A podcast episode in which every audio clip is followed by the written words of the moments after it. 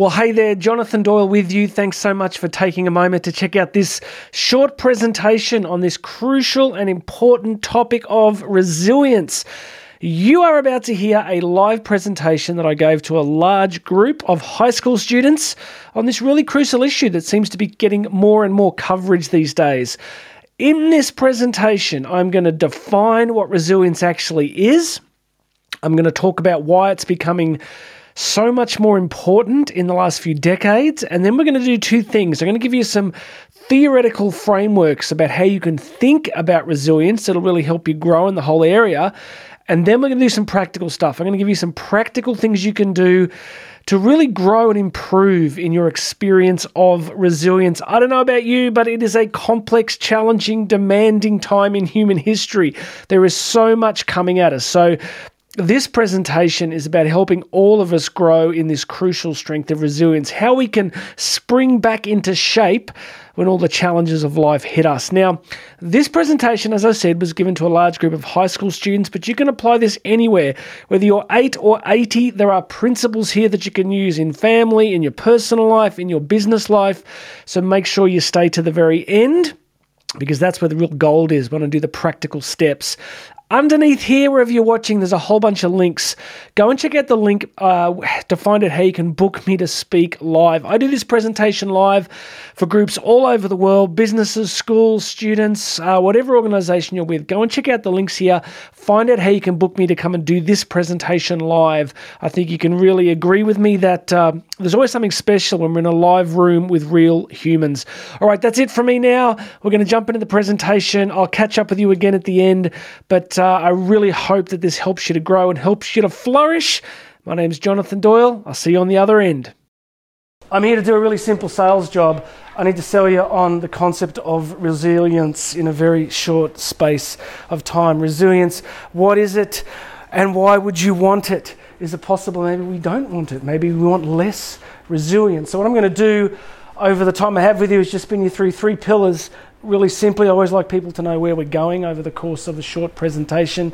Step one what is resilience? We can't improve something without defining it, right? We want to know what it is. Then we need to decide if we want it, if it's useful to us, and then we need to decide how we go about actually getting more of it.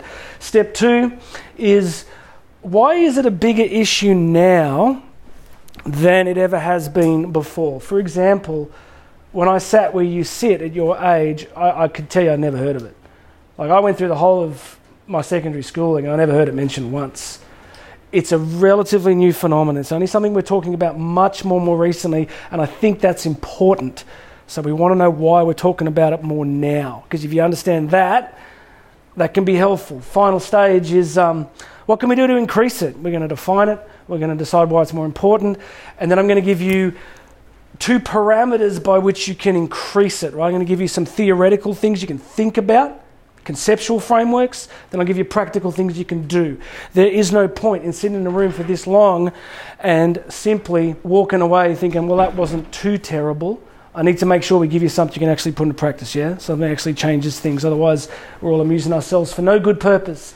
So, friends, we begin with this the concept of what is resilience. Resilience does not come to us from psychology.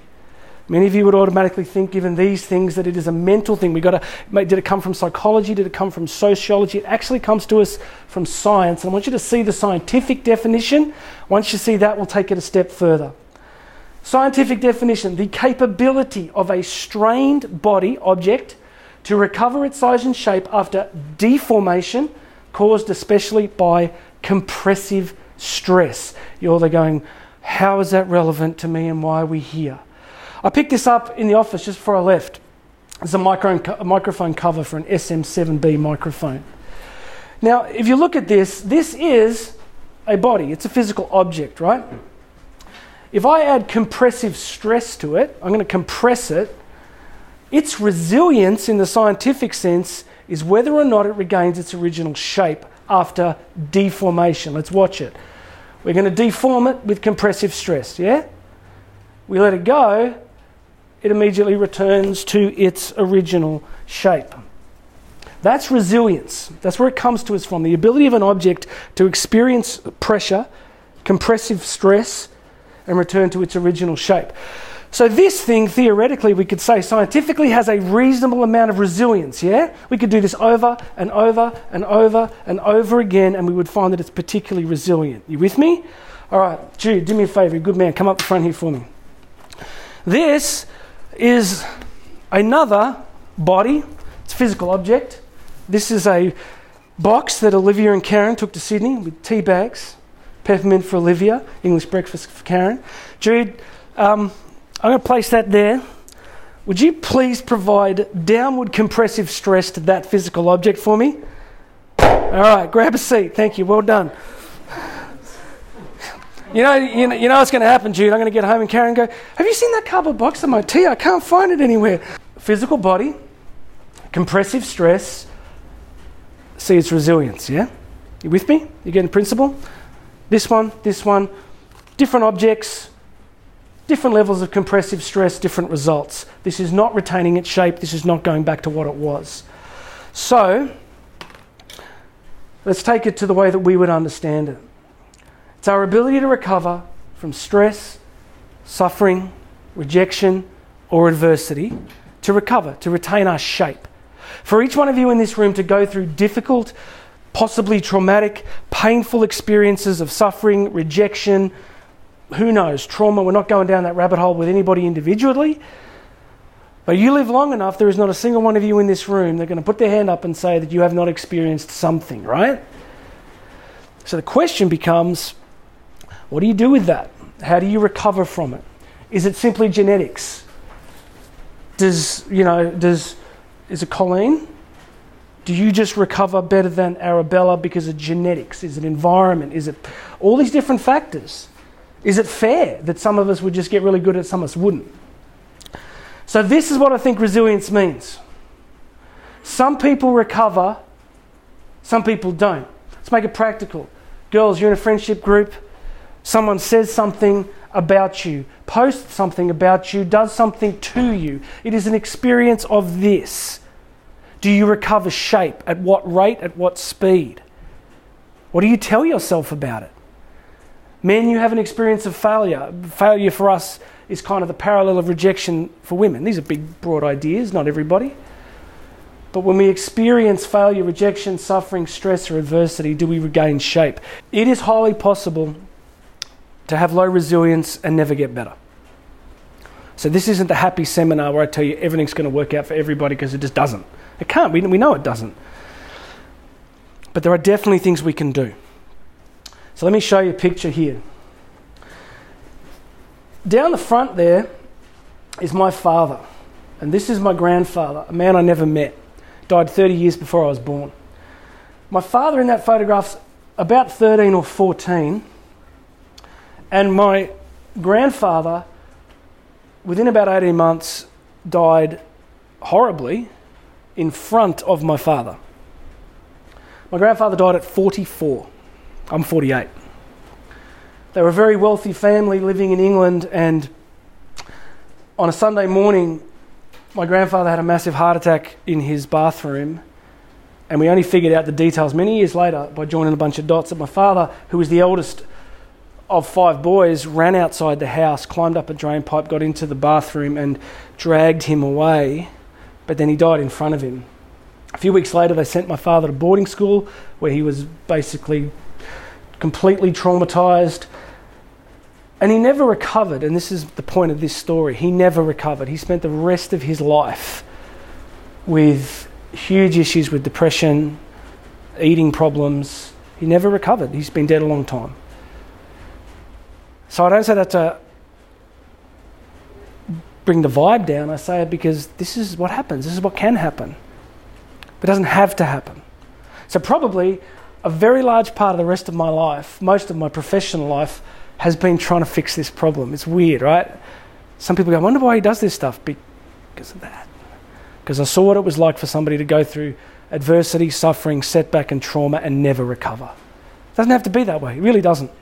So, what we're going to do is spend time on how we make sure it doesn't happen to you. because I don't know you. I'm not going to get to know you very well. So we could probably bring a whole bunch of brilliant psychologists in this room, interview all of you for a couple of days at a time, and we would be able to probably graph you in this room of who's had the worst and who's had the best life so far. But I'm not going to know that. Second pillar. Second pillar. Why does it seem worse now? This concept of resilience, why are we talking about it so much more now? Why didn't I go to a seminar like this in year 12? Here's what I think may be happening. We are, all of us, what unites us in the room is Homo sapiens sapiens. Okay, it's what we are. We have been in this iteration, think of it this way think of the first ever iPhone. It was about this big, it had a wind up handle on the side. We're now at iPhone 14, right? Just new versions of iPhone coming out we are basically iPhone 14 as a species. We have been a species like this, like what? The base of your brain is a limbic system. It's the fight or flight animal brain. Right here behind the bone at the front of your head is your prefrontal cortex, where you think about complex issues. We have been like this for about 350,000 years, give or take. We have not changed a great deal in that time. How is this relevant to you? Because for, I think, about 99.9% of those 350,000 years, everybody here lived almost exactly the same way. You lived in very small social groupings, very rarely more than 200 people, usually somewhere between 10 to 50. Okay, you never lived with big groups of people. You never traveled more than about 10 kilometers from where you were born ever. What you did for work, if you were male, was whatever your father did for work. Whatever you did as a woman was just des- decided by the group or tribe that you lived with. Right? What this means is life had a great deal of predictability, life had a great deal of simplicity. Something that I'm calling, if you're taking notes, and I won't spend too much time on it, is what I call neural load. Neural is to do with neurology, which is to do the function of your brain. Relatively small neural load. You woke up each morning and it looked pretty much like it did the day before and you knew that tomorrow was pretty much going to look like today. The same sorts of people, the same sorts of tasks, the same sorts of expectations day in and day out. So here we are, here, and that's gone. I reckon it's I, what I say to people is round about here, 1860s. 1860s, we get the Industrial Revolution. Do not be afraid if you're sitting there going, Is this a history lesson? No, it's almost finished. But round about 1860s, massive technological changes. We moved into much bigger groupings. There was vastly greater complexity. I think that's some of what's happening. You have been born at a moment where there is enormous complexity and unpredictability in your environment. So your brain is kind of going, I, am not, we haven't caught up. As a species, we have not caught up to the sheer amount of stuff coming at us. I think that's driving a significant part of it. The social groups we once lived in have fractured. So a lot of those things that held us all together for a long period of time have vanished. All right. That's part two done. We're, gonna, we're on the home stretch now. You all okay? Do me a favor, turn the person next to you, look at them, say, I think it's all going to be okay. Do that for me, please. Okay, so what do we got? We got a definition, which is what? Your ability to bounce back from rejection, adversity, setback, problems. Why is it more of an issue? Because of massive social changes. You need to see this. So when you're under pressure and you're struggling, you can go, it's not because you're a bad person. It's not because you're stupid or you're not as good as someone else. It's because you got born at this moment and we've got to learn how to manage it because we're here. God doesn't make mistakes, He's put us here for a reason. What do we do? So, what do we do? What can we do? I'm going to give you two concepts and then I'm going to give you practical stuff to do. These two concepts are really powerful. I, I think if you get them, they can be really transformative. First one this is a guy called Viktor E. Frankl. Anyone heard of Viktor Frankl? Anybody in the room? We've got a couple. Good. All right. Uh, been dead a very long time. Fascinating human. Started what we call the third Viennese school of psychotherapy. You've heard of people like Sigmund Freud. He started the first Viennese school of psychotherapy. Why? Because they're all from Vienna, Viennese school of psychotherapy. Second guy was Carl Jung. This is the third guy. This is a guy who's a brilliant psychotherapist Brilliant man, but the backstory is very, very interesting. He was living the dream, highly respected, highly influential, doing amazing work on psychotherapy. Second World War breaks out. He has a Jewish background. He's arrested by the Nazis with his parents, his sisters, and he's taken to the Nazi extermination camp of Auschwitz in Poland. Arguably, somewhere between six to ten million people end up in this system of concentration camps, of which this is the worst. Uh, within 24 hours, you are usually gassed to death and then put in a gas oven and burned till your ashes fall down like snowflakes. So Frankl is sent here along with vast numbers of other, it wasn't just Jewish people, it was a, it was a mix, but predominantly. So, why would I show you this? How is it relevant to you and getting better at resilience? So, here's the important part of Frankl's story. He arrives at Auschwitz and you're basically in one of the most horrific places in human history, right? Everything is stripped from you, usually physically. Uh, you have no power, you have no capacity. Everything's taken from you. You're seeing people die in front of you, you're separated from family members. Uh, and then, of course, you realise that large numbers of the people you love and care about are probably already dead. Both his parents were gassed to death and his sister. But this is the point he manages to survive four years in the extermination camps, comes out the other side. Ten days later, he goes and sits in a little farmhouse, and for two weeks solid, he writes a very important book called Man's Search for Meaning.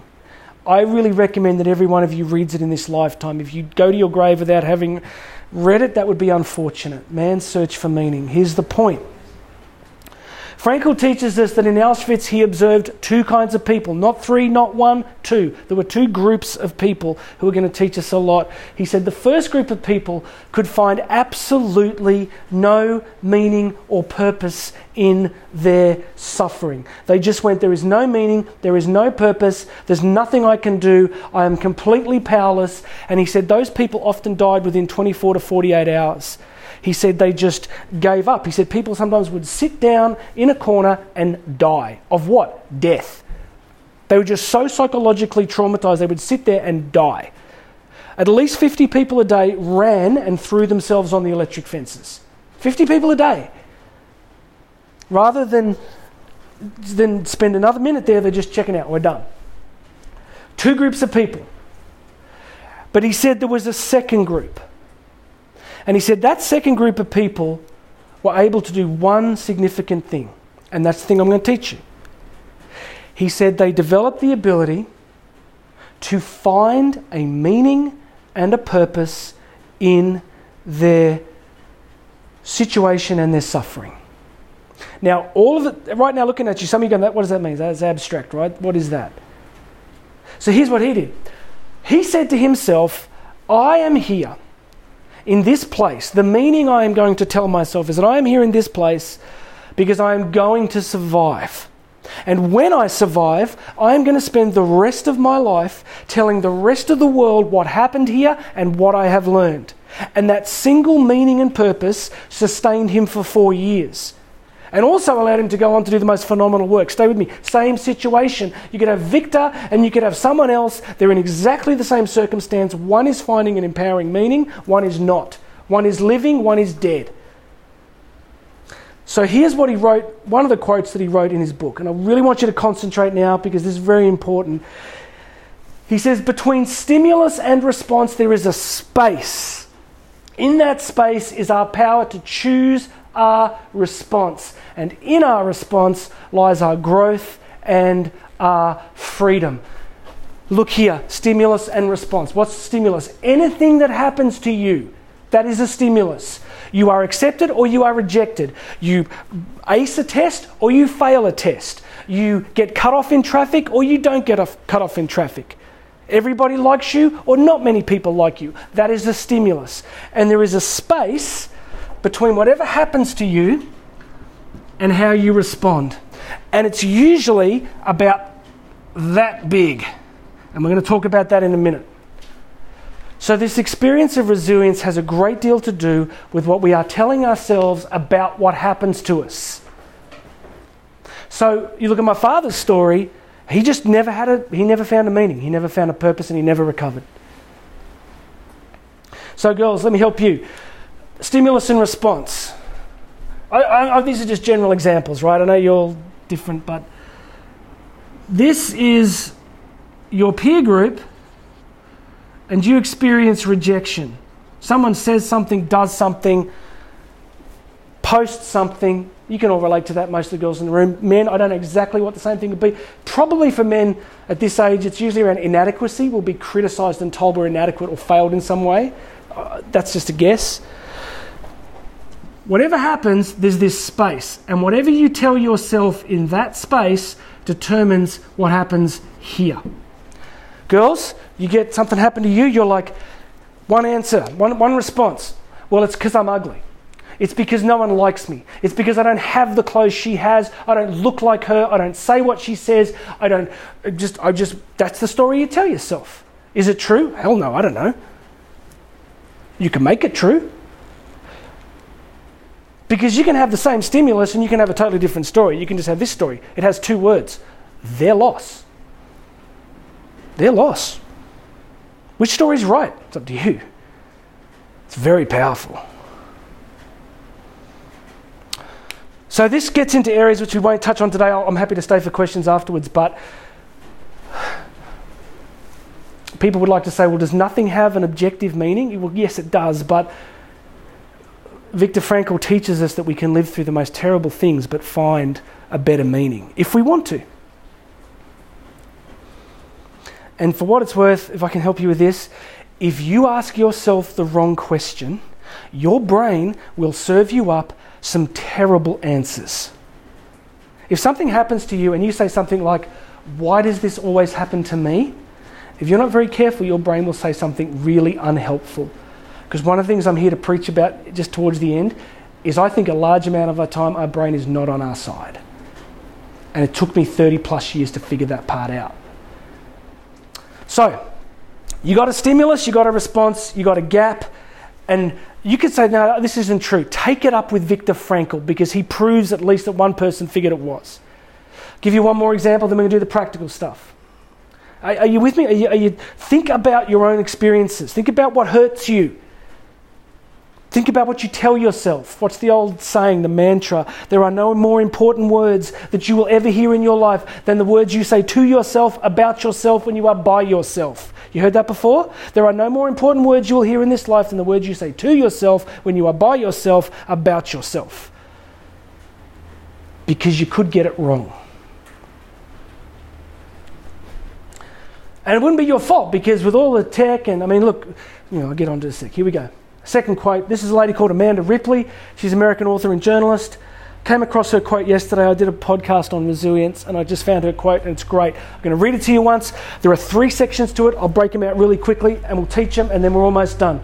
Resilience is a precious skill. People who have it tend to also have the underlying advantages of what? Here we go. One, a belief that they can influence life events. Two, a tendency to find meaningful purpose in life's turmoil Three, and a conviction that they can learn from both positive and negative experiences. Um, let me give them to you one by one. Here they are. Number one, you want to be resilient? You have to have a belief that you can do something to influence your life. If you don't, you are in the realm of that is a rat. and I'm not making it up when I tell you I cannot draw a better one than that. Show of hands. Who's heard of the term learned helplessness? Learned helplessness? One, two, three. Okay. Um, learned helplessness. Grab a seat. Uh, learned helplessness comes from studies they did on rats years ago. They put all these rats in cages, two different groups. One group got electric shocks randomly. There's nothing they could do. They just get a shock here, shock there, shock 15 seconds, shock 12 seconds, shock 30 seconds, just randomly shocked. The other group of rats were able to press a lever that could stop the shocks happening. Here's the point the ones that couldn't do anything died. They did all these brain scans and tests on all sorts of hormone levels in the rats, and the ones that couldn't do anything to change their circumstance just died. It's called learned helplessness. It's when a dog curls up in a ball to protect itself because it's being attacked and it can't do anything else. So, you do not want to be in learned helplessness. You always want to be in a place that goes, no matter what happens, I can influence this. Even if you cannot change the circumstance, you can change the story you are telling yourself about the circumstance. And some of you will say, but you're just changing the story. That's not real. Judge it by its outcomes, friends. Judge it by whatever. You want to know how to, how to judge it? Judge it by whatever helps you to grow. Judge it by whatever helps you to become more whole and to contribute more and to enjoy the journey of life more. Judge it by that. Second point a tendency to find meaningful purpose in life's turmoil. Some of you have been through difficult things. Find a meaning. If you've been through a difficult life, here's one meaning you deserved it. You're going to repeat it. There's nothing you can do to change it. Different meaning. This means I am stronger than people who have not lived through this. This means that I will never repeat these things in my own life. Same situation, different meaning, a conviction that you can learn from both positive and negative experiences. Example, you get a brilliant mark on a test, Arabella, that's a positive experience. Learn from it, get it again, do better, get 5% more. Arabella, you fail a test and it's terrible and you just got a D for the semester. You can either go, you failed because you're dumb and you don't do enough work, or you can go, I failed and I'm going to improve. I'm going to work harder. I'm going to learn the lesson from that. So, the ability to go through the highs and the lows and take something from both. So, how do we actually become more resilient? What have I just done? I've given you two theoretical frameworks, right? Man's Search for Meaning and Amanda Ripley. I've given you two conceptual things about the stories that you tell yourself. What do we do practically? All right, here we go. How do you become more resilient? Uh, question, please. Caleb, you look trustworthy. You ready? How do you become a better runner? Good man. How do you become a better runner? Brilliant. You run more. Two and a half thousand years ago in the ancient world, the Greeks, which is kind of my postgraduate background, the Greeks were interested in a really important question. Please let me make this relevant for you. It's very important, it is not abstract. The Greeks wanted to know were awesome people born that way or did they become that way? Now you might think, well, why is that a big question? It was a very big question for them. They were very interested in it. They wanted to know were people just genetically born that way? Were you just born resilient, more resilient than me? Do you become more resilient than me? Who knows? The Greeks wanted to know. So Aristotle, one of the greatest of the Greek philosophers, was asked this really important question, which was just this Aristotle, how does the courageous person become courageous? because they, they loved courage, they loved virtue. They wanted to know are our great courageous histories of Greek tragedy and history, are they just courageous because they were born under a courageous star? Or did they do something? And Aristotle, hear the question again Aristotle, how do courageous people become courageous? And he said something really important that you need to hear two and a half thousand years later. He said this They do courageous things. Simple life principle. Ready? Here it is. If you're taking notes, I'm going to save you a whole bunch of time in your life. You should say thank you on the way out. Here it comes. Ready? You will become what you do. Madeline? Madeline? Where's Madeline? I was talking to Madeline. Yeah, it is you. Okay. I want you to imagine you have a friend and she lies all the time. She just lies all the time, non stop. Every time you discuss anything, you do anything, you experience anything, she lies. What would you describe her as? A liar. A liar. So Madeline be, you'd introduce her. Let's call her, um, give me a name, a girl's name starts with L. Somebody, please. Lily. Lily. Madeline would go, This is my friend Lily. Lily is a. liar. Because Lily lies. Friends, if you want to become more resilient, do resilient things. If you want to become holier, do holy things. If you want to become more trustworthy, do trustworthy things. If you want to become a faster runner, do more running.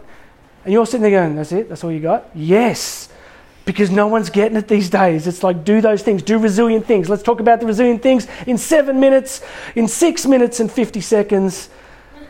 I'm going to give you a list of things that I think will help you, things that I do. Things that I do to become more resilient. Number one, do hard things. I am not your judge, but you got born in a moment in history that loves a couple of things comfort and consumption. comfort and consumption. Uber Eats, from Uber Eats to Netflix, friends, the entire system. We talked before about you know the, the mainstream media running on fear. We are in what's called late stage capitalism. This system runs on consumption. Well, it runs on debt, but the debt drives consumption. Now, you please see it. It's like me. You ever seen? Who's seen the old Wizard of Oz, the original movie with the scary witch? How scary is she? You seen her, the green one? Messed with me. Still messes with me. Seriously, I can't be on my own sometimes. Um, the end scene where they pull the curtain back and the wizard's there, and you see him pulling all the levers. That is what we are in. Is called late stage capitalism, which is simply um, consume. We need you to consume, consume, consume, consume and your comfort is the priority. There's a reason the iPhone is called the iPhone. It's about comfort and consumption. It's not your fault. You didn't choose it. You just got born at this time. Friends, this is not a culture that constantly says to you, deny yourself, do difficult things, do hard, possibly painful, challenging, difficult things. You don't hear that very often.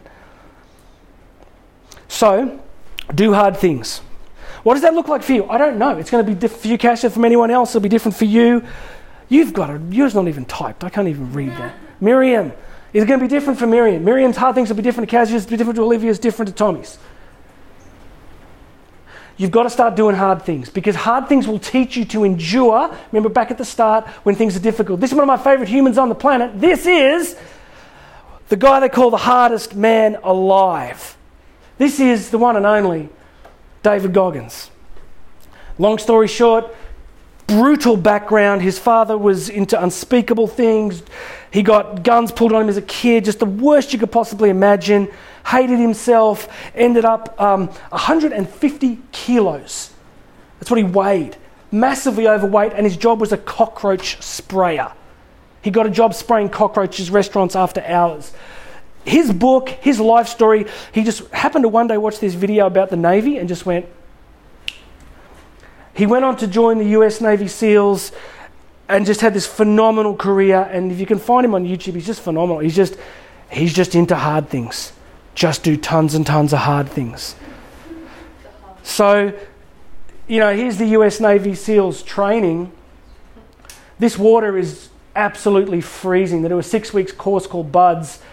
And all they're trying to do is just weed out the ones here because they know when you watch the documentaries, all of these guys are super fit, all of these guys are super athletic, all of these guys are really great athletes their whole lives, but they drop. And you watch the documentaries, they have to ring this bell when they quit, and they're ringing it, and they're ringing it, and they're ringing it. Why? It's not fitness, it's here. The story between the stimulus and the response is here, and they give up. So you've got to start doing hard things. Do you have to join the Navy SEALs? No. Maybe it means you do the dishes more often. Maybe it means you do a little bit extra study. Maybe it means you help somebody when you don't down well feel like it. Maybe it means that you say no to something you've been saying yes to for way too long. Maybe it means you get fitter. Maybe it means you eat better. Maybe it means you work harder. Take one thing away from this do hard things. So I run ultra marathons. I do about 400k a week on the bike. Um, I'm in the gym every day. Let's be honest, you can't look this good without working at it. Thank you for that weird pause of silence. Um, Next one. I could, I've got a couple of minutes, I've got to finish. Catch the internal dialogue. Over here, there is a voice in your head. We all have it. Most of the time, it's not helpful. Mine has been particularly toxic over my, much of my life, and I've had to work incredibly hard at it. You want to be more resilient? You have to listen constantly to the eternal dialogue because it's mostly not on your side. Some of you will have come from great families and you'll be a little bit better than some of the rest of us, but start to listen. You will hear it saying things like, It's because you're this, it's because of that, or you will never. Whenever you hear you will never, you cannot, you did it again. Whenever you hear accusation, wherever you hear this critical voice in this space, start noticing it and critiquing it for the girls, when the voice says, You're not like this, you don't look like that, you don't you should be more like this, if only you were like that, just go, Whoa, whoa, whoa, whoa, whoa, whoa, not helping. Push back. Get really good at it. Just go, yeah, nah. All of us have got to get good at finding this internal dialogue, stopping it, nah. Uh, for what it's worth, I won't spend too long on this because you're not going to like it. Um, I think this is true. Um, I'm not going to tell you to stop because you wouldn't anyway. Look, basically, the best I can tell from social media, I had big followings about five years ago, deleted every account, everything. Thousands and thousands and thousands of followers, deleted the lot. The only thing now I have is YouTube. Um, I, you're not going to stop, but I'll just say to you especially for the girls, it's like, let's invent something that is just what I call a comparison engine. It's just a comparison engine. It's like, I'm going to use this thing so I can constantly remind myself why I might feel inadequate. That's just my opinion, but I'm a dad now. So I, am just really disciplined. I, I've taken almost everything off my phone, no even email apps anymore. I just think that if you want to get more resilient, the studies are pretty clear, particularly for girls, that you've got to just ease up on this one. Okay, I know you can't stop, but just ease up because it can make a big difference in resilience. Personal favour get around good people. You want to be more resilient? Get around resilient people. How do, what do courageous people do? Tend to spend a lot of time around courageous people. What do athletes do? Spend a lot of time around athletes. What do resilient, mentally healthy people do? Try to spend a lot of time around people that, that are doing interesting things, that are, that are pleasant and kind and generous Please do not accept toxic friends. Just don't. Life's short. Seven billion people on the planet. There's plenty more out there. Okay? If you've got people ruining your life, just, yeah. Just don't be rude. Don't be aggressive. Just, I talk about time allocation. Just allocate less time. Just begin to allocate less time. There's some amazing people on the planet. Get around them. Seven seconds. Um, summary Resilience means to bounce back from the adversities of life and I don't think it's just about getting back to this shape. I think real resilience is going beyond the shape. Real resilience is taking the hits and coming back even stronger, coming back different. There's a reason that Jesus, when he comes back from uh, the resurrection, the wounds are still there. That's a really important detail. It's a resurrected body. He's Jesus. Why come back with the wounds? Because the wounds were glorified. The wounds were elevated into something else. The wounds still mattered. So as you go through the wounds, you'll, you can come back stronger. Last thing is to say, to remind yourself of this, whether you want to photograph it, you can always choose. No matter what you lose, no matter how much you get hurt, no matter how much loss, betrayal, failure, rejection you experience, you can always choose. And I promise you, friends, a very small number of people do.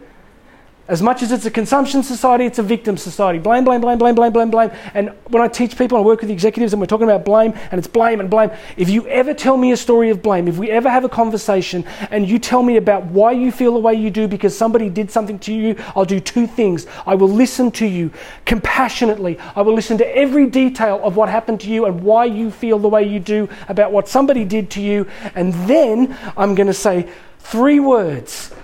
And now what? Because if you're living your life blaming somebody for the, I'm not saying you don't deal with difficult issues of abuse, all that sort of stuff. Of course, you've got to address that. I, I get that. But at some point in life, there comes a time where we have to go, and now what? You can't hold on to that story forever. Uh, eventually, we have to move through.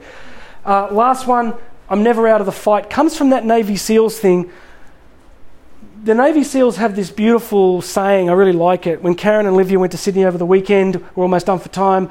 Aiden and I were at home on our own. We did two things. We ate steak for three meals a day and we watched war movies. And I was watching Lone Survivor with him the other day. Four, um, four US Navy SEALs get ambushed. There's two left towards the end, and one of them famously says, we're never out of the fight. And it's a real mantra for these special forces guys. They're like, no matter what happens, no matter how much attack, no matter how much, how desperate it looks, we're never out of the fight. So I want each one of you today to take away this, photograph it, write it down. No matter what happens to you, you can always choose, because Frankl chose, you can always choose, and you're never out of the fight.